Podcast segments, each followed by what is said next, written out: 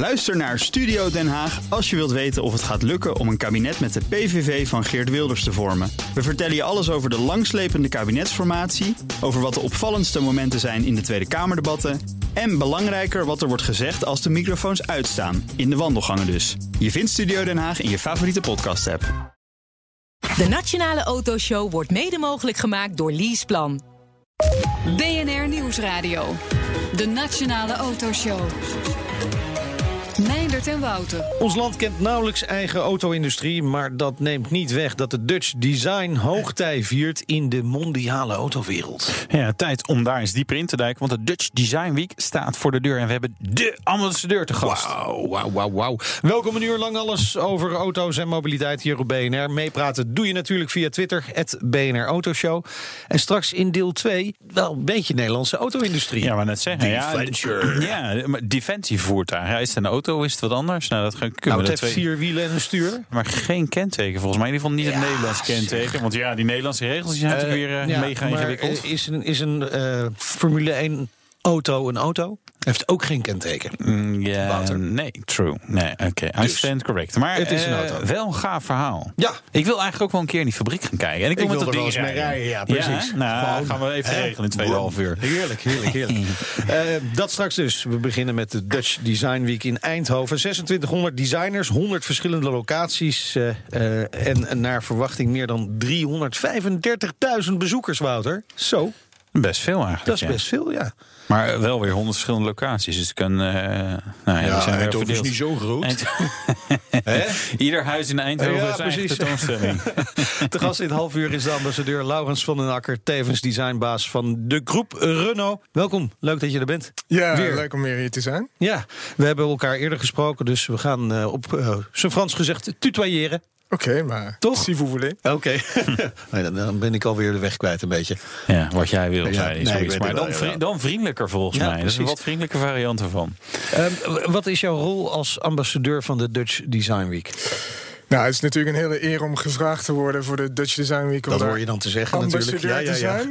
En eh, het is ook de eerste keer dat ze een auto-ontwerper hebben gekozen. Het is niet zo raar, want een auto is eigenlijk 500 producten die je tegelijkertijd ontwerpt. Het is een Dutch Design Week, daar komen we natuurlijk bijna ieder jaar naartoe. Ik stuur daar een hoop mensen van mijn team naartoe, want het is dé plek om eh, geïnspireerd te worden, de toekomst te ontdekken en te zien waar je naartoe gaat. En als ambassadeur moet ik natuurlijk eh, niet alleen lintjes doorknippen, hopelijk, maar we nemen ook zelf wat dingen mee om, om echt mee te doen aan het debat. Het thema van deze Dutch Design Week is If Not Us, Then Who. Dus het wil echt een beetje verantwoordelijkheid nemen. E- Even een vraagje over, over designers. Eh, Je hebt zeg maar in iedere beroepsgroep heb je natuurlijk wel een soort pickorde van, van dit zijn de echt coole gasten, iets minder. En, en, en- waar, staan, waar staan de autodesigners? Is, is zeg maar als je je op een designconferentie of zeg ja, ik, ik ontwerp auto's, ben je dan echt wel de man? Of, of is iemand die zeg maar een Alessi die theepotjes maakt, is dat, eh, is dat, is dat gaver? Ik, ik vraag me gewoon af. Of, Ja. of maakt dat niet zoveel uit? Nou, ik denk niet dat het zoveel uitmaakt, want we, we komen elkaar niet zo vaak tegen Nee, dat is natuurlijk waar, hè, op maar een ja. motorshow. Maar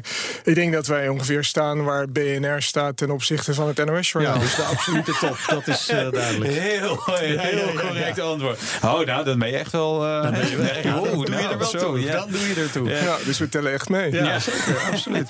Eh, en wij ook blijkbaar. Ehm, we hebben het over de Dutch Design Week. Hoe, hoe typeer jij Dutch design? Is er echt zoiets als Dutch design? Nou, ik denk, kijk, het is wel interessant eh, dat Nederland is eigenlijk een designland, want we hebben het zelf gemaakt. Ja. Weet je wel, er is geen ander is land wat Mondriaan zo... Precies, er is geen plek, geen, zelfs alle kanalen, alle bossen, alles wat je bijna om je heen ziet, op een enkel stukje wilde natuur na. Ja. Ja. In de Veluwe, neem ik aan. Eh, de Ja, rest... zelfs dat is volgens mij bijna aangelegd. nou ja, en dat is, dus er is geen land wat meer designed is dan, eh, dan, dan Nederland.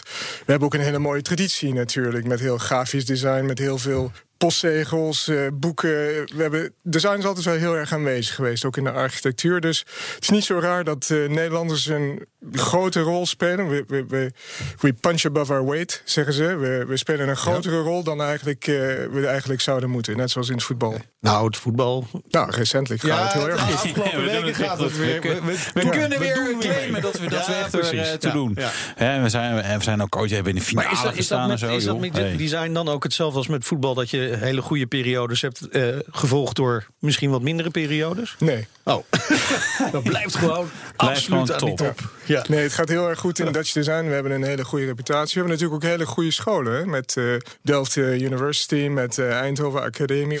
Dus er komen, doen ook heel veel studenten mee aan de Dutch Design Week. Dus een eh afstudeershows die je daar kunt zien. Het is echt wat dat betreft eh, een, een fantastisch event. Nederland heeft een goede naam op het gebied van design. Maar nou, nou, nou, jij kunt overal ter wereld inspiratie vandaan halen, naartoe gaan. En dan snap ik, ah ja, die Nederlandse roots is natuurlijk wel heel leuk. Maar, maar je zei net ook, van ik stuur mijn collega's ook naar die Dutch Design Week. Wat, wat halen ze daar dan weg? Wat is er dan zo bijzonder? En waar, waar haalt een, ja, een automan of vrouw, die zijn natuurlijk ook inspiratie dan vandaan? Is, is, is dat, ja, ik zou maar zeggen, uit zo'n Ja. broodrooster? Nou, het leuke van de Dutch Design Week is dat het niet een, eh, een grote marktplaats is. Het is niet een commerciële designshow, zoals misschien eh Salone di Mobile in Milaan, waar je echt naartoe gaat om je spullen te verkopen, bij wijze van spreken. Bij Dutch Design Week kijk je echt in de keuken thuis bij alle designers. Eh, ze slaan hun jas open, ze doen een boekje open, ze, ze zetten hun waren op straat. Het is echt een experimentele show, dus je, je, het is niet allemaal af. Eh, er zijn ook hele mooie dingen. Het is heel experimenteel. experientieel. Er is meer aan de hand. Er zijn festiviteiten, er zijn exhibities, er zijn eh, lectures. Ik doe zelf ook een masterclass weer. Ik heb met Winnie Maas, een architect, een, eh, een, een, een mooie talkshow en presentatie. En we nemen een huis mee en een auto. Dus er is echt ontzettend veel te beleven. En, en op gebied van design, als je wil weten waar het naartoe gaat... dan is Dutch Design Week niet een slechte plek om te beginnen. Niet Nee. een slechte plek. Zijn er andere plekken? Waar, waar, waar staat dit mondiaal? Zit echt wel een Nou, belangrijke... ik denk, dit is het grootste evenement in eh, Noord-Europa. Kijk, in Zuid-Europa heb je Salone Immobile in Milaan. Daarna, en daarna heb je natuurlijk ontzettend veel design-events. Het komt steeds vaker terug. Londen heeft een Design Week, Tokyo Design Week, Paris Design Week. Maar ik denk, internationaal gezien... ze hebben 30% eh, toeschouwers en, en, en bezoekers uit internationale landen. Ze willen ook dat het steeds internationaler wordt natuurlijk. En eh, wat dat betreft wordt het echt een fantastisch eh, event met mooi weer. Nou is inspiratie toch wel een beetje een vaag begrip natuurlijk. Hè? Want je kunt misschien niet helemaal zeggen hoe je geïnspireerd bent om te maken wat je uiteindelijk maakt. Of, of heb je ook voorbeelden dat het heel concreet is. Hè, ja, dat theepotje dat ik daar heb gezien, dat is uiteindelijk in, in een Renault-ontwerp terechtgekomen. In Ja, iets kijk, andere vorm. Ja, we hebben bijvoorbeeld eh, in de, een van de laatste conceptauto's die we hebben laten zien in de Parijs Motorshow uh, anderhalve week geleden, vorige week. Uh, was het interieur heel erg geïnspireerd door boutique hotels. En, en, ja, ja. en je zag zelfs, om er een Franse twist aan te geven... het pakket in de auto leek op de, op de visgaten pakketjes... die je kunt vinden in een Houseman-appartement. Uh, ja, je ziet dezelfde materialen terugkomen. Je wil de mensen toch meenemen op een, uh, een experience... die ze normaal niet thuis beleven. Dus nee. inspiratie voor onze... We hebben natuurlijk color material designers. Die zijn echt op zoek naar nieuwe materialen, naar nieuwe processen. We hebben interior designers. Voor hen is het natuurlijk heel interessant om meubilair te bekijken. Furniture. We hebben productontwerpers. We hebben uh, software designers. We hebben game designers. Ik bedoel, sound designers in mijn team ja. zitten. Nou, dus, dus wat dat betreft ja, mochten een mensen hoop nog te denken dat een auto uh, een simpel product is... Ja, dat is niet zo. Dat is bepaald niet ja, zo. Die tijd is uh, voorbij. lang, lang geleden al voorbij. Ja, Renault is dus partner van de Dutch Design Week. En dus zijn jullie ook nadrukkelijk aanwezig. Wat laten jullie allemaal zien? Ik neem aan de symbio's. Een van de thema's is uh, Future of Mobility. Nou, dat kwam er natuurlijk heel mooi uit. Uh, het leuke is dat Dutch Design Week uh, met Renault en zee wilde... omdat, we, omdat ze elektrisch wilden rijden. Nou, dat is natuurlijk... dat komt bij ons past heel erg goed. We hebben symbio's meegenomen... omdat het eigenlijk laat zien hoe de auto een onderdeel wordt van je, van je ecosysteem. Vroeger was het misschien zo dat je in een auto stapte om eventjes te ontsnappen. En dan werd je afgesloten, zat je in een ja. bubbeltje. Zoals ja. vandaag misschien nog in een vliegtuig. Maar vandaag de dag willen de mensen voortdurend connected zijn. Willen eigenlijk ook soms wel eens andere dingen doen dan rijden. Dus we laten zien hoe de auto een integraal onderdeel wordt van je leven. Hoe je hem zelfs in je huis kunt parkeren omdat hij elektrisch is en uh, schoon is. En, oh, nemen jullie dat huis ook helemaal mee? Ja, we hebben dat huis uh, ook maar meegenomen. Dan, dan staan we in ieder, ik dacht, dan staan we in ieder geval droog. Mocht oh, ja. het regenen, het schijnt het mooi weer te worden. natuurlijk wel, maar ja, het, is, het is schitterend weer. Het, het, zijn wel van die toekomstbeelden die heel ver weg lijken te mm -hmm. staan. Hè? Wat gaan we van, van al die concepts die ook bijvoorbeeld in Parijs hebben laten zien... snel terugzien op productieauto's? Ja, niet zoveel. Nou, dat is Oh. lekker kort antwoord. maar, Nee, maar toch meer dan je denkt. Kijk, we maken concepts soms die heel dicht bij de werkelijkheid liggen. En om een nieuwe model aan te kondigen. Maar soms laten we echt onze designers dromen. Omdat er op dit moment is een beetje een interessante tijd in de auto-industrie. Er komen ontzettend veel nieuwe technologieën op ons af. Met de connected cars, met autonomous cars, robo-vehicles. Dingen waarvan we eigenlijk vijf jaar geleden nog nooit gehoord hadden. Dus dan is het een mooi moment om e- echt eh, de, ver in de toekomst te kijken. Lekker te dromen. En daardoor ook eens eh, je te dwingen over dat soort problemen na te denken. heeft Renault ook ooit wel eens eh, een vliegende auto als conceptcar gehad? Nou, dat is een goede vraag. En ik zit eventjes te graven in mijn geheugen. Ik, ik, ik denk het niet, maar ik was eh, twee jaar geleden op CES in eh, Las Vegas. En daar zie je inderdaad al drones die nu Ja. eh, met elektrische propellers mensen kunnen gaan vervoeren. En er is een Chinees bedrijf mee bezig. Dus Ja. misschien over niet al te lange tijd hebben jullie een landingsplaats hier op Heerlijk. de BNR radiogebouw. Ja. Ja, het, de, de die vraag is ook wel het voelt voor mij ook af en toe dat ik denk, ja jongens, maar gaat dit nou echt ooit gebeuren? Of is, blijven dit een beetje dromen van, van die robotaxis die rondrijden? En, nou, eh, dat ja, zie ik toch nog wel heel erg gebeuren. Dat, want dat soort technologieën geven eigenlijk de kans aan mensen om iets anders te doen met hun tijd. Je geeft ze tijd terug. Ja. Eh, Ja, maar die vliegende auto ook, hè? Want dan stijg je hierop en dan vlam naar eh, Rotterdam in één streep. En dan land ik in mijn achtertuin. Fantastisch. Ja, en autonome auto's en die technologie eh, maken auto's. Toch? Maar eh, ja, ik zie mij aan het lachen. Jij gaat liever fietsen, hè? Nou ja, vliegen naar Rotterdam lijkt me wel een goed plan. maar de- Dan ben ik ook weer heel snel terug. Ja, ja dat is waar. Ja. Ja? Laurens wil het wel zeggen. nou ja, eh, maar autonome auto's geven, zijn natuurlijk ook veiliger op den duur. En daar gaat het natuurlijk ook om. Want er zijn dat, eh, wat dat betreft eh, de mensen eh, veiliger vervoerd gaan worden. En dat is een hele interessante bijzaak van eh, autonome auto's. En zometeen hopen we wat meer te weten te komen over het toekomstige design van Renault. Want eh Laurens van der Akker is ook begonnen met een nieuwe lifecycle van conceptcars. En waarom vergelijkt Laurens van der Akker de Dacia Duster met de Ford Mustang? Ja, dat is toch een hele andere auto's. Ja. BNR Nieuwsradio. BNR, de Nationale Autoshow. Welkom terug. De gast is Laurens van der Akker. Hij is ambassadeur van de Dutch Design Week en designbaas van de groep Renault. Laurens, ik zei het net al. Je bent begonnen aan een nieuwe lifecycle van concept cars. Beginnend met de Easy Go eigenlijk eh, in Genève.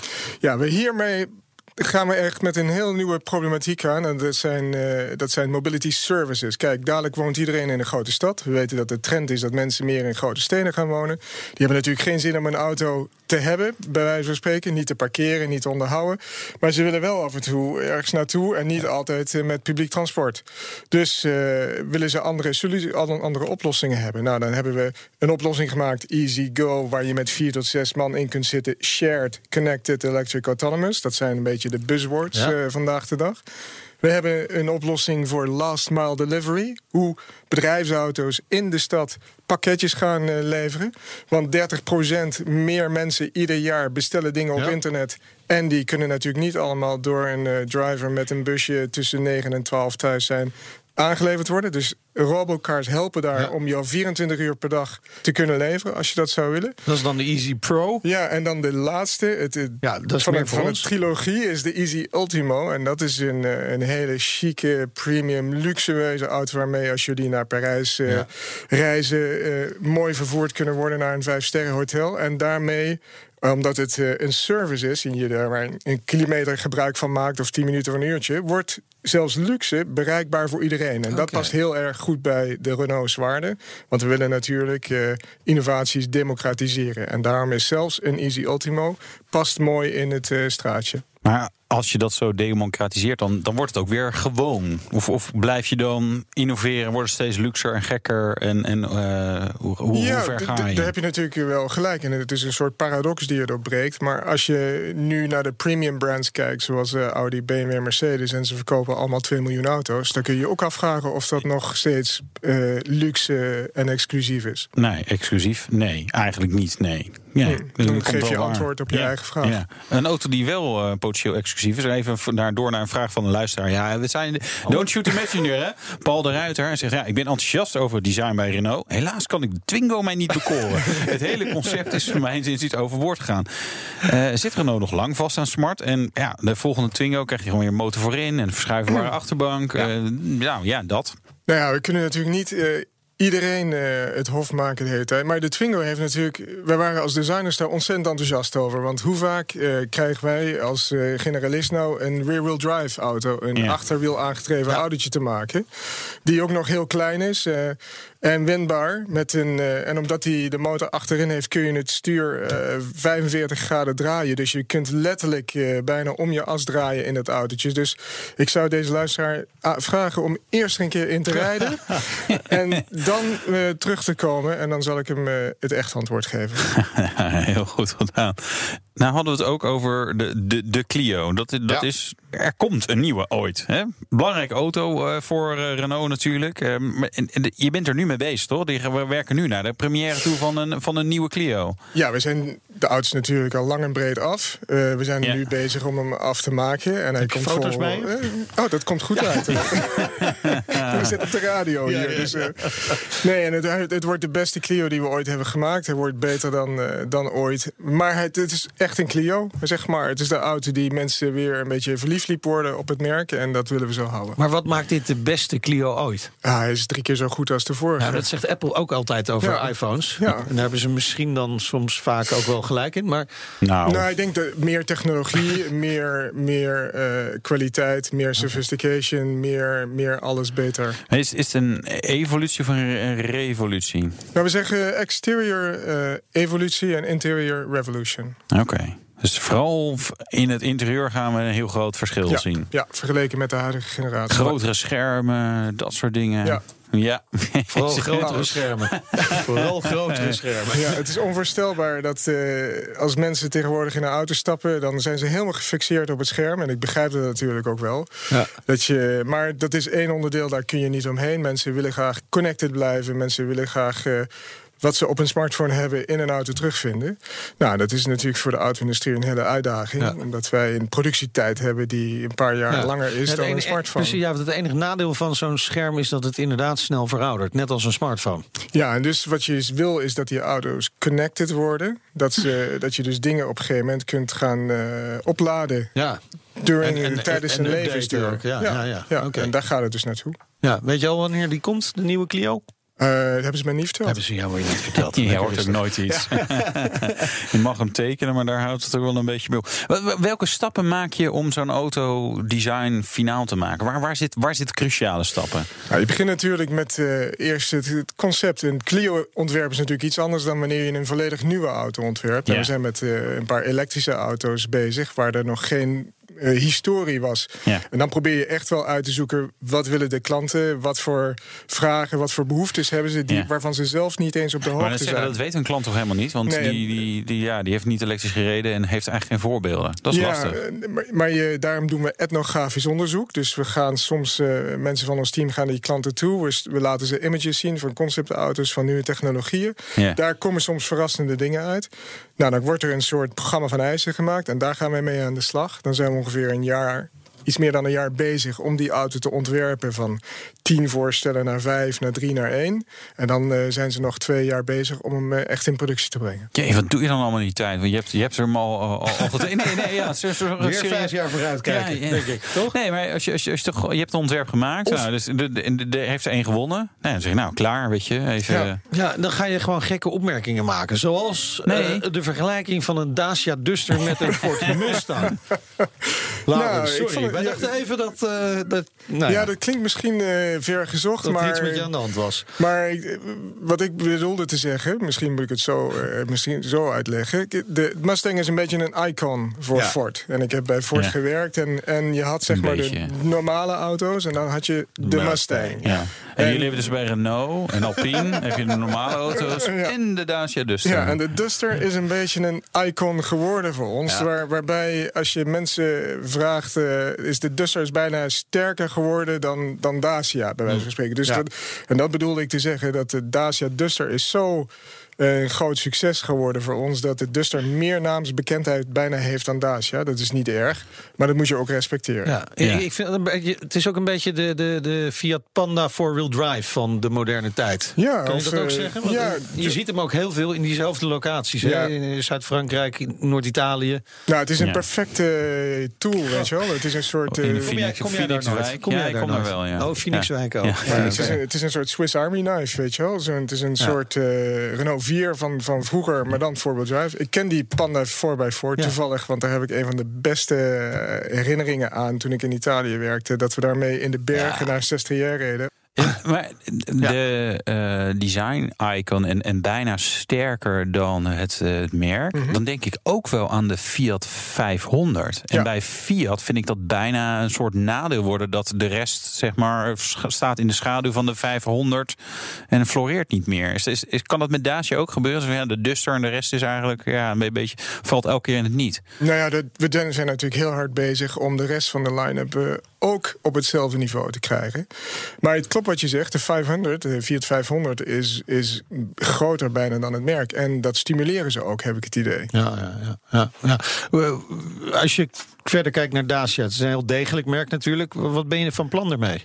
Nou, we moeten, met name moeten we niet veranderen wat goed loopt. Nee. En eh, met name is het een merk wat al tien jaar lang eh, ieder jaar groeicijfers toont. Wat eh, altijd meer klanten krijgt. Eh, we moeten vooral niet aan de vaste waarden komen. Een No simpele, nonsense. no-nonsense, simpele techniek. Niet te veel eh foefoe, eh, goede prijzen. Dat is Frans. Simpele techniek is, het staat ook wel weer een beetje haaks op. iedereen wil schermen en smartphone en groot, alles moet touchscreens zijn. En, Ja, blijkbaar niet iedereen, want we, we hebben een enorme loyaliteit met het merk Dacia. Als wij een Dacia Picnic organiseren, komen daar 10.000 mensen op af. Eh, wat trouwens een evenement is wat begonnen ooit is in Nederland. ja, het verbaast me niks. Iedereen met zijn brood ja, erop. ja, precies. eh, er zitten toch eh, Coolbox achterin, lekker hoor. stiekem heel veel Ja, ja. Dacia-rijders te luisteren naar BNR Ja, Autoradio. ja, ja. Oh, Ik denk dat je ook tienduizenden mensen bij elkaar krijgt als je een Alpine evenement organiseert. Jij hebt altijd gezegd: een automerk met één model is geen merk. Klopt. Wanneer komt nummer twee? Ja. ja, dat is, een, eh, dat is een, ontzettend goede vraag. En het, eh, we hebben ontzettend veel mooie ideeën op de tekentafels liggen. En we zijn er natuurlijk heel hard mee bezig. Op dit moment zijn we ontzettend blij dat, eh, dat er een wachtlijst is voor 18 maanden voor de Ja. Alpine. Want dat is een goed teken. En we hebben onlangs, ik weet niet of jullie dat opgepikt hebben, Sportcar of the Year gewonnen met Top Gear. Tegen concurrentie die 1, 5, 10, 20 keer zo, zo, zo duur waren. Dus we hebben iets wat we moeten, Ja. Goed in moeten schatten. En we gaan met heel veel liefde aan de tweede werk. Hoe lang gaat dat duren, denk je? Nou, eh, twee weken. Oké, nou mooi. Dan hebben we dan nieuws. Dankjewel. En eh, dank voor de komst naar de studio. Laurens van der Akker, designbaas van de groep eh, Renault... en ambassadeur van de Dutch Design Week... van 20 tot 29 oktober in Eindhoven. De gekste. Lampegat. Ja. Eh, zometeen Deventure, fabrikant van eh, defensievoertuigen... uit het Gelderse Tiel. Oh, ik dacht bravo. Ja, dat heeft helemaal niks niet met waar. Brabant te maken. Nee. Wel de auto die je reed, hè? de Brabant Continental GT. Inderdaad, blijf luisteren. Tot zo. De Nationale Autoshow wordt mede mogelijk gemaakt door Leaseplan. BNR Nieuwsradio. De Nationale Autoshow. Meindert en Wouter. In het eh, Gelderse Tiel bouwt Deventure het ultieme legervoertuig. Het resultaat, de Vector. Ja, Hollands glorie in eh, conflictgebieden. De Vector Victor. Ja, die grap wil jij heel graag maken, hè? Ja, Flying High, weet je nog? Ja, nou. Films uit de jaren tachtig, denk Nou, ik. ik- Zoiets. nee, ik heel slecht, eh, maar wel heel grappig daardoor. Ja. Goed, straks rijden we ook in de Bentley Continental GT. En je krijgt eh, echt waar voor je geld. En dit is het bewijs dat je met geld ja, eigenlijk alle compromissen wel ja, een beetje weg kan poetsen. Want? Het is een auto die alles kan. Echt waar, ik kan ook vliegen. Als jij hard genoeg eh, op een verkeersdrempel afrijdt, wat op zich kan met die auto, dan denk ik dat je wel een eentje, kan Ja, vliegen. ja, bij dit soort auto's is het natuurlijk altijd zo... als je moet vragen om de prijs, dan kun je hem niet betalen. Ja, Hoe kost je wel.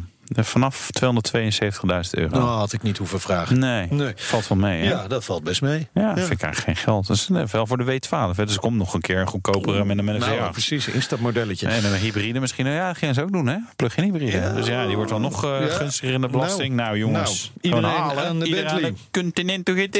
En wij gaan praten over de Vector. Dat is een eh, volledig Nederlands legervoertuig. En te gast is Henk van der Scheer. Hij is CEO van die Venture. Welkom. Eh, jullie bouwen de Vector met de hand in Tiel.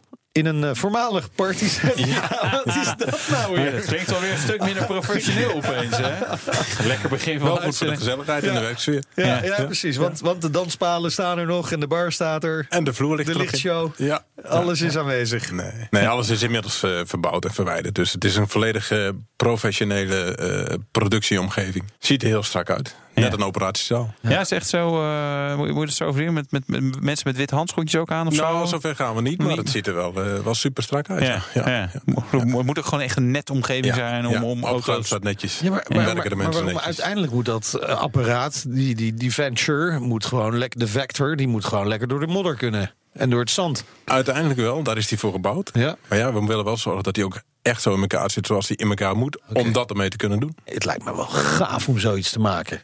Ja. Het is echt een vette bak. Ja. Iedereen die bij ons komt en rijdt, die weet niet wat een auto eigenlijk kan. Totdat je dit meegemaakt hebt. En, is het ook een beetje ultieme jongensdroom om, om dit te kunnen bouwen en maken? En de bedrijf ook? Dat is wel, wel gaaf. Wat denk je zelf? Ja. ja, ja nee, ja, nee. nee we, we hebben ook wel eens mensen die Ik zeggen... kan ook nou ja, zeggen, nee, dat is het niet. Dat Ja, is eigenlijk Nee, helemaal niks aan. maar het hoe, hoe oud is het bedrijf? Is, is, is dit iets wat al jaren en jaren in Nederland gebouwd wordt? vijf jaar. Vijf jaar pas. Vijf jaar. We zijn hiermee begonnen nadat we een aanbesteding voor het eh, Nederlandse leger eh, gewonnen hebben. We hebben een tien maanden tijd hebben we een auto ontwikkeld. Vier maanden tijd hebben we hem eh, wat verder afgebouwd, Ja. gepresenteerd aan de markt en overgedragen aan de, aan de Nederlandse leger. Die heeft een maand of tien ermee getest. Er is een redesign gedaan van nog een keer een zes maanden, acht maanden. Nog een keer getest. En toen zijn we in productie gegaan. Dus in een jaar of drieënhalf is vanaf niks, werkelijk niks, een leeg stukje papier Oké. Tot levering een, eh, een 3,5, 4 ma- jaar gebeurt. Dat is best, best, best snel. Maar eh, voordat we daarom doorgaan, kan, kan je uitleggen wat de Vector is en waar het voor gebruikt wordt? Want mensen ja, die, die, die weten misschien, ja, lege voertuig, denk je, ja, een soort jeep. Moet je een beetje mee door het zand en zo kunnen knallen. Maar eh, Nou, mensen die misschien wat de laatste tijd wat meer rondom Defensie gevolgd hebben. tijdens de, de Veteranendagen in Den Haag is hij gedemonstreerd. Is de, zijn er zestal voertuigen hebben meegereden in de, in de kolonne. Daar zouden mensen van kennen. Ja. Maar het is een puur 4x4 voertuig off-road. eh, wat eigenlijk aan de frontlinie gaat opereren. Zwaar geschut eh, op het dak. eh, Maar, moeten we dan denken aan type Hummer, zoiets? Ja, het is iets kleiner, omdat hij in een, in een Chinook helikopter moet, moet kunnen passen. Dus we hebben het over vijf meter lang, eh, een, een kleine twee meter breed en een kleine twee meter hoog. Dat is nog best een forse jongen. Nou, Ja, zeker. Ja. zeker. Maar dit is, Ja. dit is dus geen tank of zo. Nee, nee. Het is, maar het het is wel voertuig meer... weegt ongeveer 4,6 ton. Ja. Ah ja, als die volledig beladen is en volledig gepantserd is. Ja. Dus het is wel een serieus voertuig met wat wij zelf, eh, zelf Nou, rijden als civiel voertuig. motorrijtuigenbelasting je daarvoor moet betalen, joh. Hè? Nou ja, dat eh, tikt wel aan. Dat eh, wel behoorlijk aan. Maar ja, deze gaat dus niet op kenteken. Dat Nee, doet niet. nee, nee, nee. Wa- Wat maakt de Vector anders dan andere defensievoertuigen? Nou, het is build, eh, build to order. Dus het is niet een verbouwd eh, civiel platform waardoor het gemilitariseerd is. Het is echt. Gemaakt voor de jongens en meisjes in het veld. Ja, wat is echt anders aan? Het is eh super sterk. Het kan heel veel bagage meenemen. Het heeft een hoge veiligheid. Het is helemaal tot in detail doorontwikkeld om eenvoudig eh, mee te kunnen werken. Hè. Die jongens staan onder stress op het moment dat ze in het, in het veld eh, actief zijn. Dan wil je niet na hoeven denken van... Hey, eh, moet ik dat knopje aan de zijkant van de pook indouwen om van drive naar neutral... Oh nee, van neutral naar drive te gaan. Of het is al vanzelfsprekend. om naar achteren te gaan, Ja, achteruit. ja, ja. maar het is echt samen met, met, met, met het leger ontwikkeld. Ja, ja, ja. Wij hebben natuurlijk het basisontwerp is, eh, is van ons. Ja. En we hebben daar vooral de, de eindgebruikers bij aan tafel gehaald van waar moet dit, waar moet dat, hoe zou dit het beste kunnen, kunnen Ja. functioneren of bediend hoe, hoe worden. komen jullie aan die kennis? Hè? Want het bedrijf bestaat pas vijf jaar. Eh, hebben jullie daarvoor, heb je daarvoor ook een achtergrond in deze wereld gehad? Ja, mensen die allemaal bij Defenture actief zijn, en met name de technische mensen, hebben bijna allemaal een eh autosport-achtergrond. Autosport. rally, eh, Dakar-auto's bouwen, eh, eh, manier. rally-auto's bouwen, eh, motorsport eh, zelf actief zijn geweest. Dus er zit echt heel veel kennis en ervaring in het product vanuit de motorsport vertaald naar de, naar de eindgebruiker. En die militairen die hebben dus die eisen aan jullie eh, doorgegeven, bij jullie neergelegd. Het moet simpel werken, het moet ruim zijn, want je moet veel bagage. Zijn er nog andere wensen? Bepaalde locaties voor de koffie of zo? Nou ja, je, je, je moet eigenlijk heel simpel denken. Die jongens zijn in een omstandigheid. Ja. En die willen niet na overdenken. Dus die willen veel spullen meenemen. Hele voor de hand liggende dingen. Veel water. Waar is de waterfles het beste bereikbaar? Uh, Ja, hoe dus kan die, ik het die, meeste cup- meenemen? Die, die koffiecup holders die zijn echt gewoon belangrijk. De theekoker achterin van de Engelsman. Ja, echt waar? Ja, zo, ja, dit is wel grappig. Ja, maar als je erover nadenkt, ja, dat is natuurlijk wel waar. Ja, nee, absoluut. Dus heb je nog Ja. eh, heb je- heb je zo'n tekenend voorbeeld van je dacht, goh, dat hadden wij zelf niet bedacht, maar daar kwam iemand mee, zeg maar een, een militair van ik, nou ja, dat, dat is wel, wel, wel het voorbeeld waar, waar, ja, waar zo'n auto een onderscheid kan maken. Nou ja, we kennen natuurlijk allemaal de situaties waar tegenwoordig veel, eh, of de wereld staat eigenlijk in de fik, hè, noemen we met Ja. z'n allen. We weten ook een beetje in welke regio's dat zijn. En vooral in die omgeving moet het goed werken. Dus we hebben het over vierwielbesturing bijvoorbeeld. Eh, ja. eh, hydraulische lift, dat ik als ik in de stand sta en ik wil mijn autootje stabiliseren omdat ik gewoon een wiel moet eh, vervangen. Dat soort dingen. Dus het, het gaat veel verder dan de praktische dingen zeg maar, van alleen hoe werkt het voertuig. Ja, Ja. Nou kan ik me ook voorstellen dat het heel belangrijk is dat, de, dat het voertuig altijd werkt. He, dat, je, Ja. dat je altijd eh, genoeg eh, energie Hufterproof. hebt. Nou, hufterproof. Maar hoe, hoe garandeer je nou dat eh, een militair voertuig altijd overal kan wegkomen? componentselectie. Hè, dat is een heel voor de hand eh, antwoord. Maar daar zit het uiteindelijk in. Hè, dat je voor de gerenommeerde producten, dus niet alibaba.com, Nee, nee. Om, om de schakelaartjes te bestellen. Nee, gewoon gerenommeerde merken. Een goed ontwerp. En zorgen dat, dat de spullen heel blijven, ook voor de langere termijn. Ja. Hè. Bijvoorbeeld vier accu's erin, waarvan permanent twee eh, in gebruik zijn. En andere twee eh, voor de communicatie eh, beschikbaar zijn. Oké. Ja, zodat je dus altijd thuis kunt komen. Juist, juist. Ook al- Of rijden, of zenden. Mama, ik kan niet thuiskomen, ja. kom me ophalen. Ja. En nou heb je natuurlijk ook zeg maar tegenstanders, vijanden ook wel genoemd. Hè? Die, die doen dingen die niet altijd even lief zijn. Hostiles. Ja, hostiles. Ja.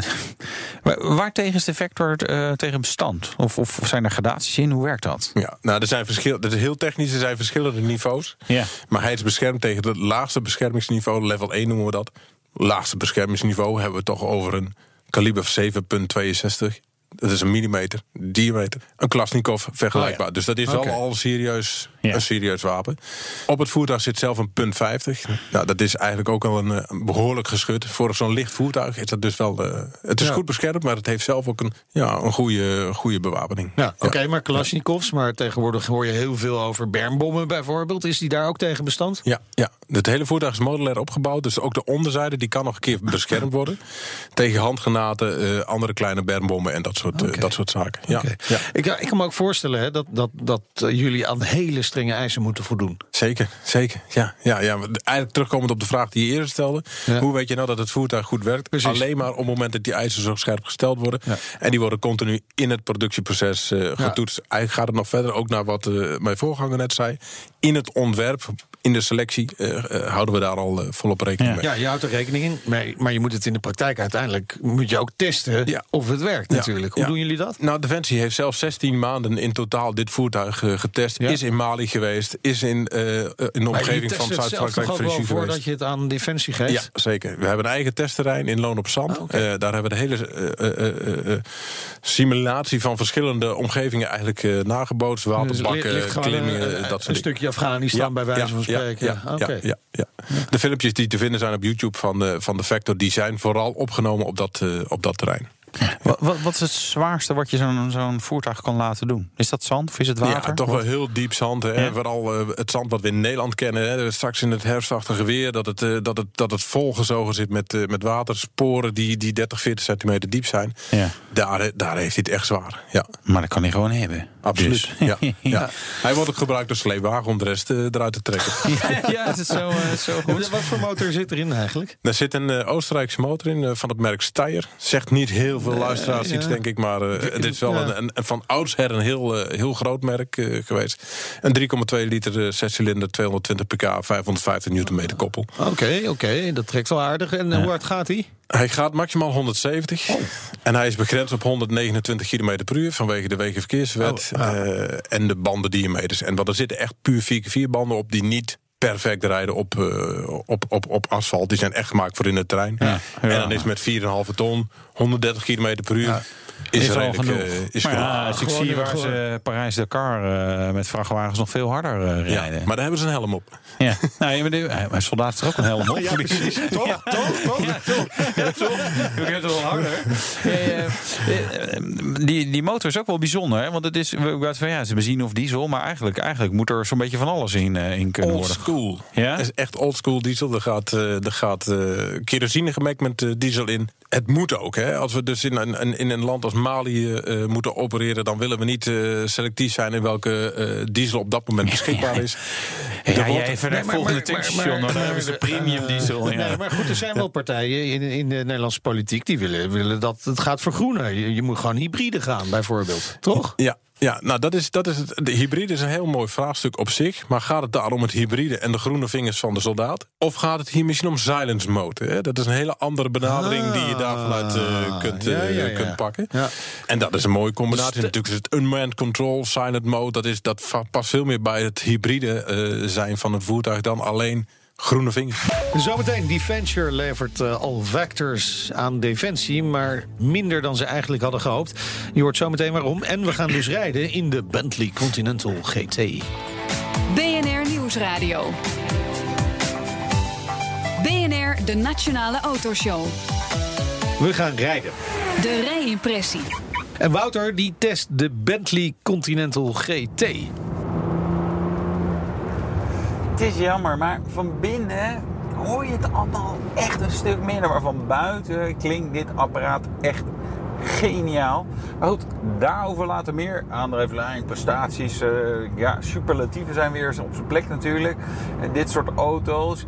Ja, die Bentley Continental GT, dat is de versie waar ik in zit. En de GTC is de cabriolet. Hè. Dan hebben we nog eh, de, de Flying Spur, die heette voorheen ook Continental Flying Spur. Dat is dan de sedan, limousine, zeg maar vier deuren. Eigenlijk misschien wel wat je een beetje bij een Bentley verwacht. Maar het is een enorm succesnummer. Sinds 2003 bouwde Bentley 66.000 van deze auto's. En dat is echt gewoon wel veel als je even bedenkt dat dit echt high-end, dus daarmee duur en maar echt een specifieke doelgroep aanspreekt. Sterker nog, het is ergens een beetje een rare auto. En waarom is dit?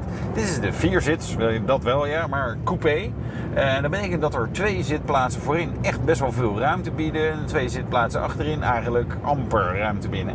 Zelfs kinderen daar moet je een beetje voor gaan inschikken als je voorin zit. Je moet echt wel een stukje naar voren om überhaupt nog beentjes en voetjes eh, nog een beetje kwijt te kunnen. Maar ja, als ik erin rijd, denk ik, ja, ik snap het wel wat de attractie hiervan is. En dit is het bewijs dat je met geld ja, eigenlijk alle compromissen wel ja, een beetje weg kan poetsen. Normaal heb je een auto die comfortabel is of sportief. En ja, het echte compromis daartussen is weer lastig. Ah, deze kan het allebei, dankzij luchtvering bijvoorbeeld, maar ook doordat alles instelbaar is. Hè, Een luchtvering met drie kamers, dus er is ook meer lucht in de kamers om heel comfortabel of juist wat sportiever te zijn. Maar überhaupt zo'n auto die zich aanpast naar de omstandigheden zoals jij die hebt. En daar heb ik ook een mooie draaiknop voor. Kan ik hem eens op comfort zetten. Gaat hij een beetje deinen, hoor je nog minder motorgeluid. Maar dan is het ook echt heerlijk, serene rust.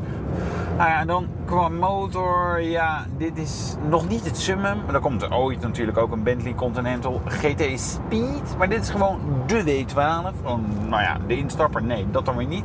6 liter, 12 cilinders in een W-configuratie. Dat is 24% korter dan een V12.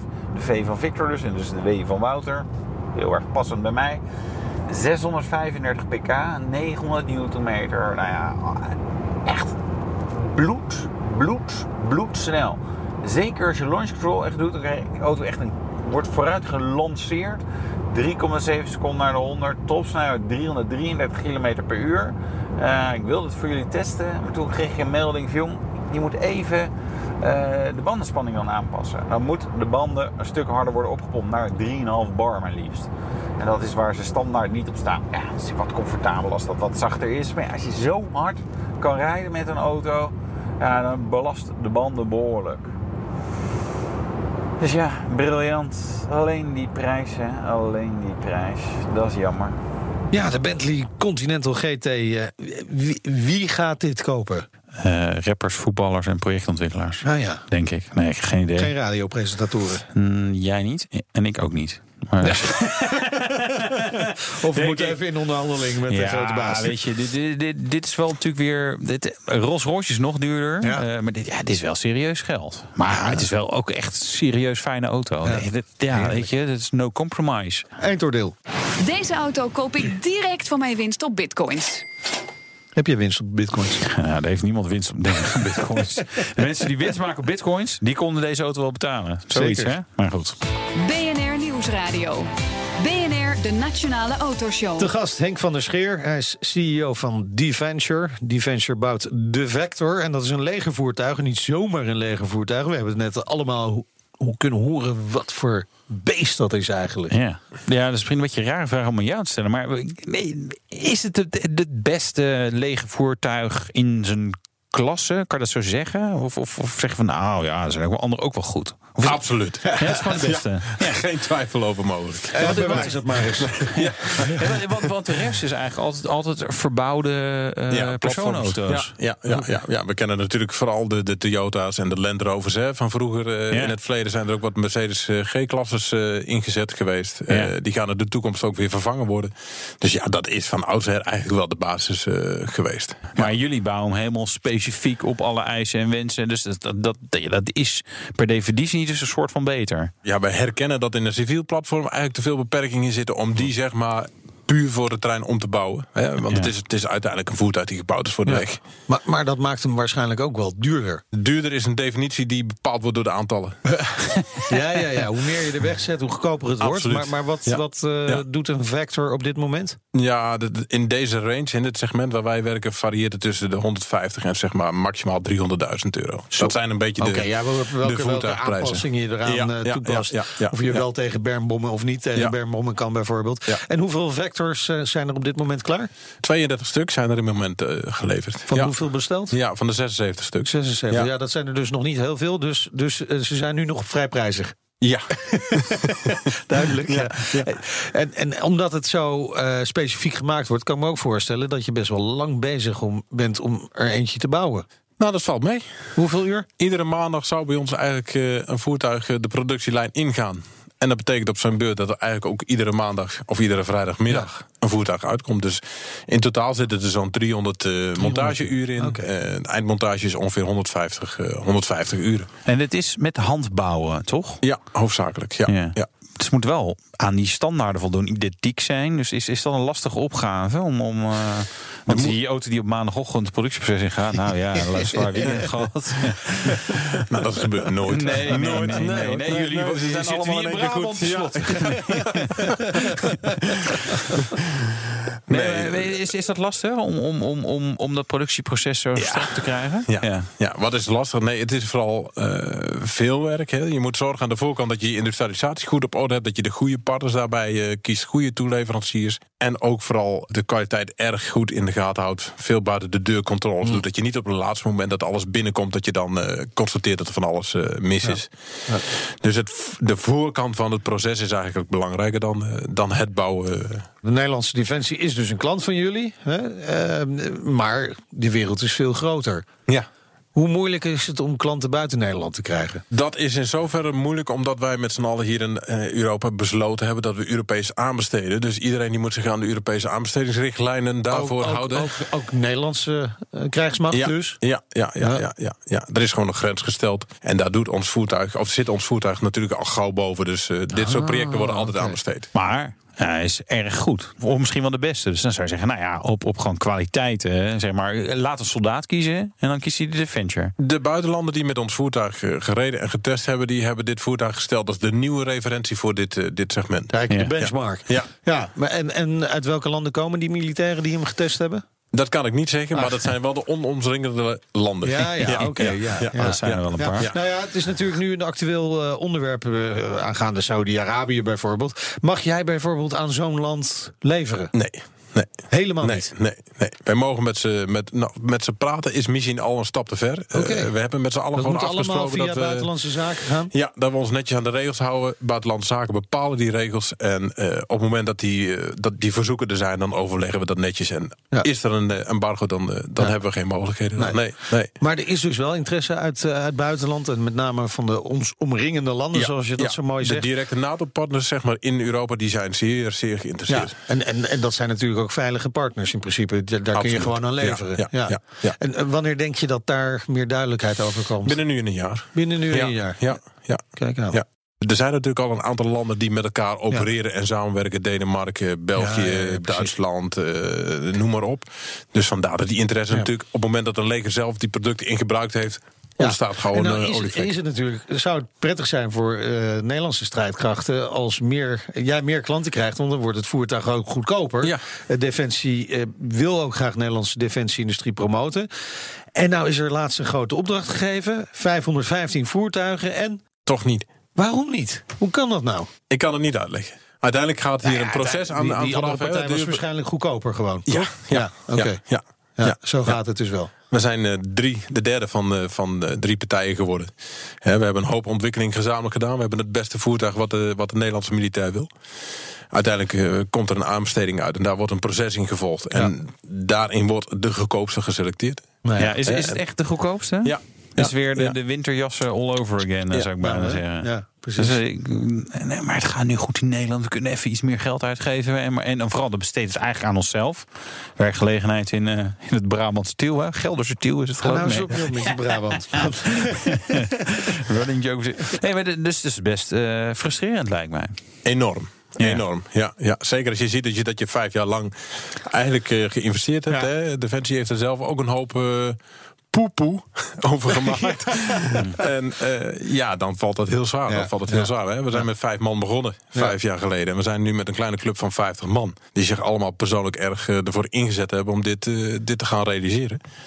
Ja, dat, dat geeft wel een bepaalde spanning op dit moment in de organisatie. Ja, Nou ja, ja, want hoe- hoeveel spanning is dat? Betekent dat mogelijk ontslagen in de nabije toekomst? Nou ja, het lijkt er nu wel op dat we op korte termijn wel wat eh, eh, in moeten krimpen. Hè, ook omdat er niet direct andere grote orders eh, op stapel staan. We zijn er erg druk mee, maar die, dat, duurt, eh, dat duurt natuurlijk nog even. Dus ja, we zullen hier wel wat maatregelen op moeten nemen, absoluut. Hopelijk dat de eh, buitenlandse interesse eh, concreet gaat eh, worden op korte termijn. Dankjewel voor je komst naar de studio. Henk van der Scheer, CEO van Deventure. Ja, we hebben nog niet gevraagd of we een keer mogen rijden. mogen we een keer rijden? Ah, Zelf rijden. Ja, ja, ja. ja, ja. Ah, je hebt eigen Ah, terrein, een klein joh. beetje begeleiding. Ja, ja. via Bij hoor- deze zeg ik dat toe. Ja, ja, mooi. We gaan Hoppa, die is binnen. Volgende keer de man die onder meer trajectcontroles bouwt. Maar we hebben net een auto geregeld waarmee we al die dingen omver kunnen rijden. Dus eh, het, het is weer geregeld voor deze maar week. durft die man ook te komen? Ja, dat weet ik niet. Nou ja.